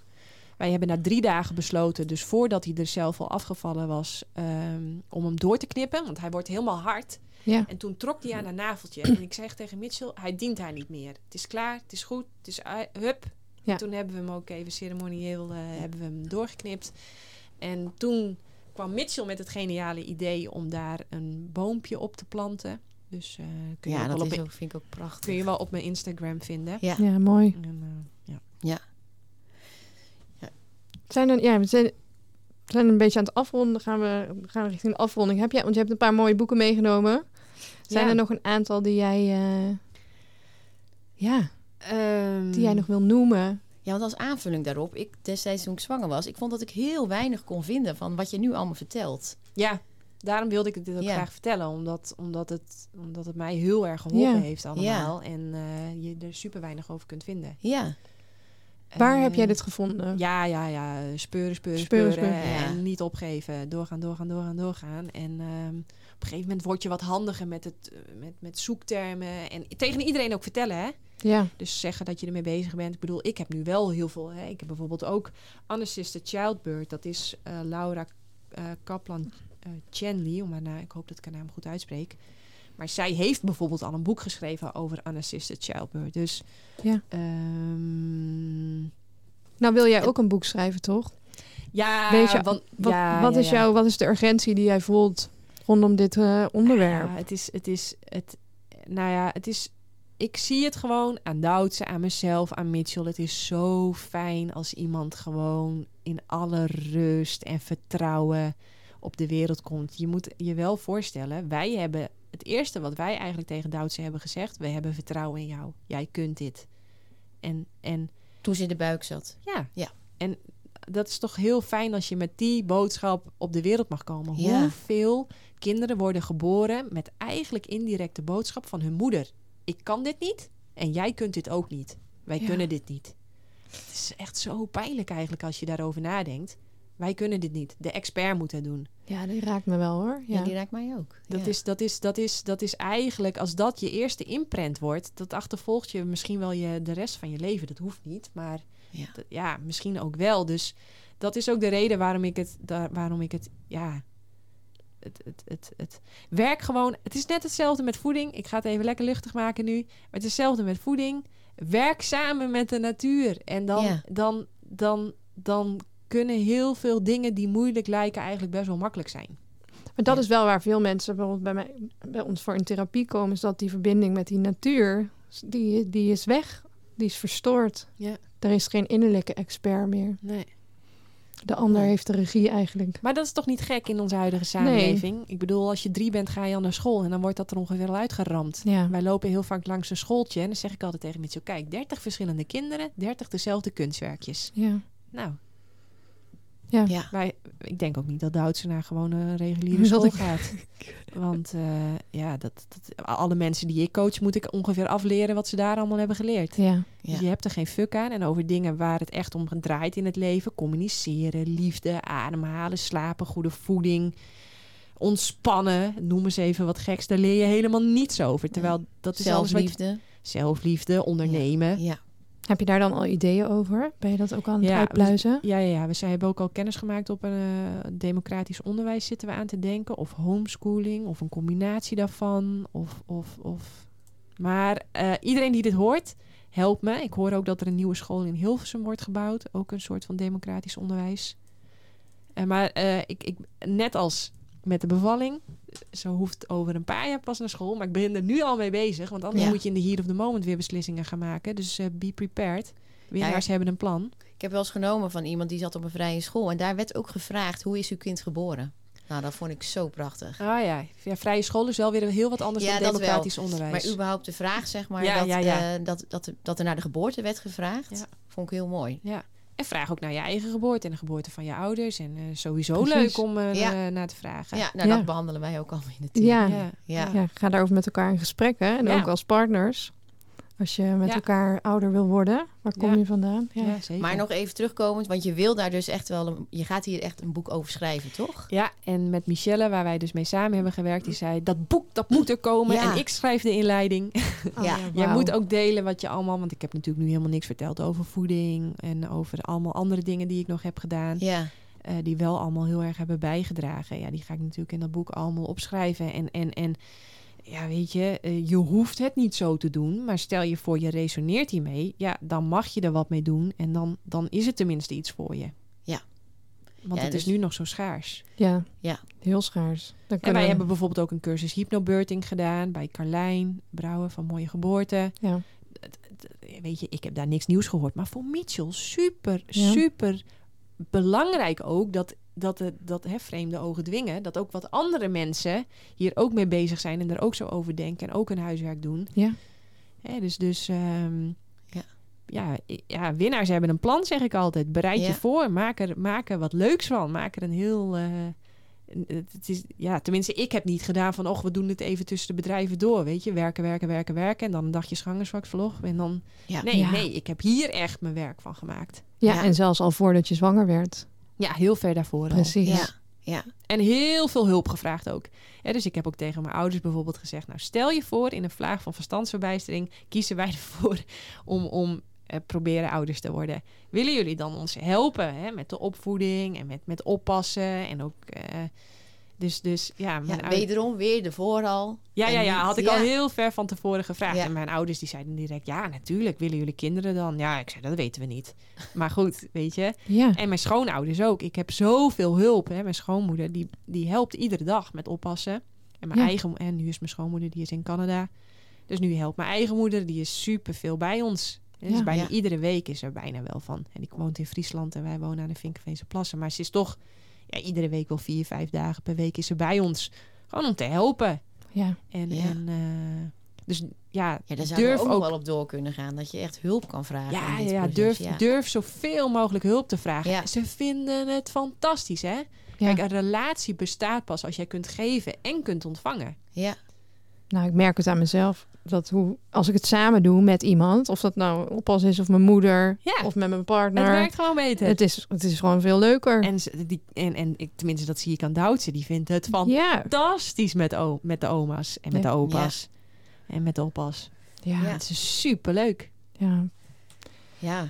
Ja, we zouden, we kunnen. Ja, we kunnen nog zo. Maar we kunnen Ja. jou in ieder geval vinden op www.jannekevandemeulen.nl. Ja, ja, ja. Ik schrijf er nog niet zoveel over. Nee. Ik, ik, mijn schoenmaker blijft bij je lezen. Dus ik, maar, maar af en toe in een blogje, dan schrijf ik er wel wat door. Maar ik zal de, de boeken, die voor mij heel behulpzaam waren, zal ik ook nog wel... eh, Ja, we gaan, we gaan ze dan ook noemen zodra dit online komt. Ja. ja. Ja. Zijn er nou dingen die we vergeten zijn de, de- de- ten aanzien van de, de lotusgeboorte waarvan je zegt, nou, die, die wil ik wel nog benoemen? Mm, nee, volgens mij hebben we... En anders komt er weer eens een andere podcast. Ja, En dan gaan we alle, Ja. alle, alle vragen die, we, die hierdoor ontstaan... Ja. of die, die we nu niet besproken Ja. hebben... dan bes- bespreken Ja. we dat nog een andere keer. Ik vind het hartstikke leuk. En Ook over het vinden van een verloskundige. Dat je dan Ja, zo oh, zoektocht hebt gedaan. Want ja, ja. ehm, als ik even naar mezelf kijk, dan ging ik gewoon naar de verloskundige in mijn, in mijn dorp, zeg maar. Oh ja, ja, ja, Ja. ja. ja. Nee, nee. Dus dit is alweer zo'n... eh, hier, ja, hier kunnen we ook nog wel op doorgaan. Ja. Ja, Ja. mooi. Ja, mooi. ja, fantastisch. Dus heel erg bedankt. ja, Ja. heel Ja. graag gedaan. Hebben we nog een doosje? Oh, ja!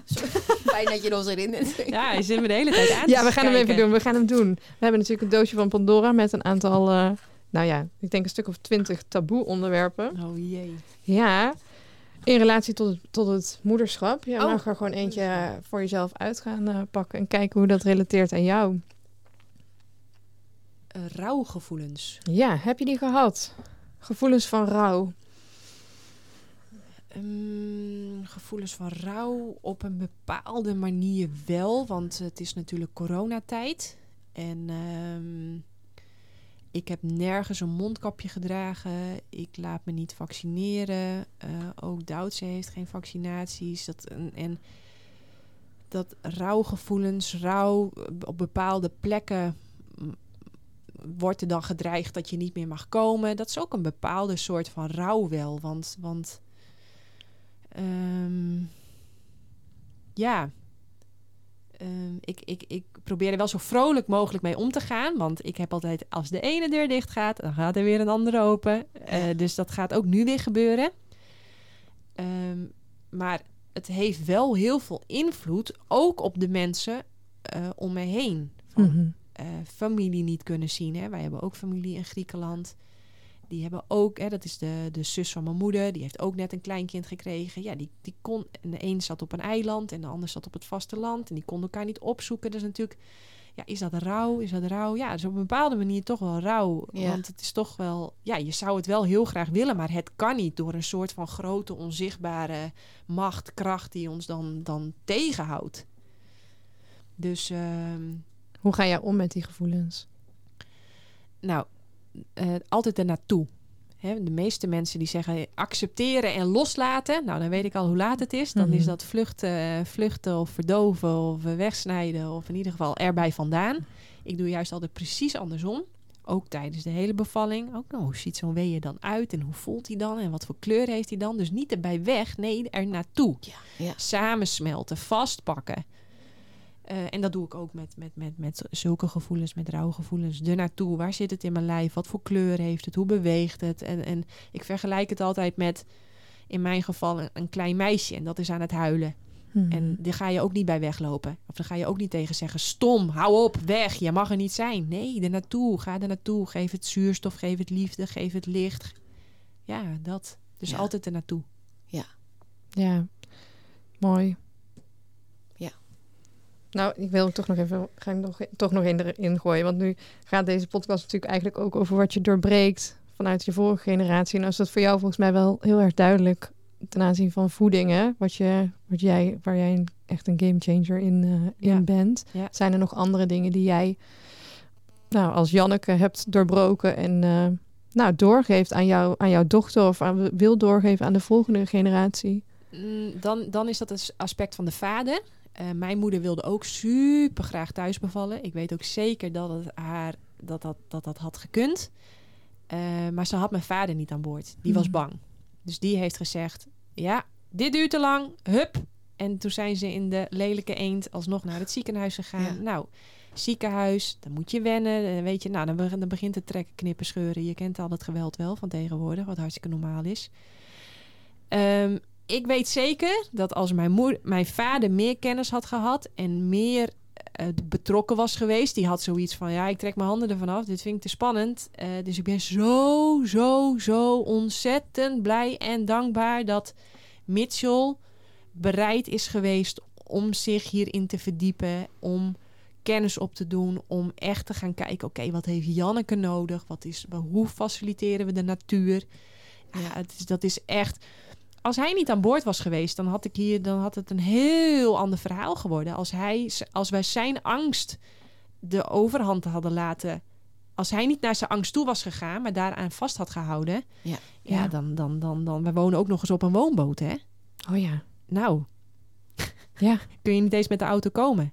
Nee. Dus als wij, als, wij, als wij in angst waren blijven denken, dan had ik, dan had ik misschien wel in het ziekenhuis. Nou ja, eh, weet je, dan dan, dat is, ja, nou ja, goed. Het En ook hierin ben je echt er naartoe gegaan. Je hebt je niet afgezet tegen zijn angst. Maar Nee. je hebt hem eigenlijk daarin meegenomen Ja, in dat ja. proces. Maar ja, wel echt compliment aan hem dat hij dat wel aan is gegaan. Ja, Want dat is echt, dus ik denk eigenlijk dat ik dat, dat we dat, want mijn moeder had het denk ik wel gekund, maar ja, die had mijn vader niet mee. En ik heb gelukkig, gelukkig, eh, ja, Mitchell wel mee weten te krijgen, waardoor we echt een team waren. Ja, dus dat Prachtig, team is gewoon echt heel erg belangrijk. eh, Ja, denk ik wel. Ja, Denk ik wel. ja. Ja. Nou, mooi om zo af te ronden. Ja, Heel erg ja. bedankt. Yes, jullie Ja. ook heel erg bedankt. Superleuk dat je luisterde naar een aflevering van Moeder Worden de podcast. Wist je dat je heel gemakkelijk een review achterlaat en dat je ons daar enorm mee helpt? Misschien overbodig om te zeggen, maar je gaat heel eenvoudig naar de app waar je de podcast luistert en klikt op reviews. Laat bijvoorbeeld 5 sterren achter en als je tijd hebt een korte geschreven review. Heel erg bedankt daarvoor. Ben je geïnspireerd door dit gesprek en wil je nu ook in afstemming en vanuit je hart leven? Dan hebben wij iets leuks voor je. Op onze website vind je ons gratis e-book. Bewust ontspannen en leven vanuit je hart. Een e-book vol met inspiratie, praktische tips en ons persoonlijke verhaal. Ga hiervoor naar www.moeder-worden.nl. Vind je deze podcast nu interessant en ken je iemand die door dit verhaal bekrachtigd of gesteund kan worden? Dan zouden wij het echt enorm leuk vinden als je deze met jouw volgers of netwerk wilt delen. Heel erg bedankt.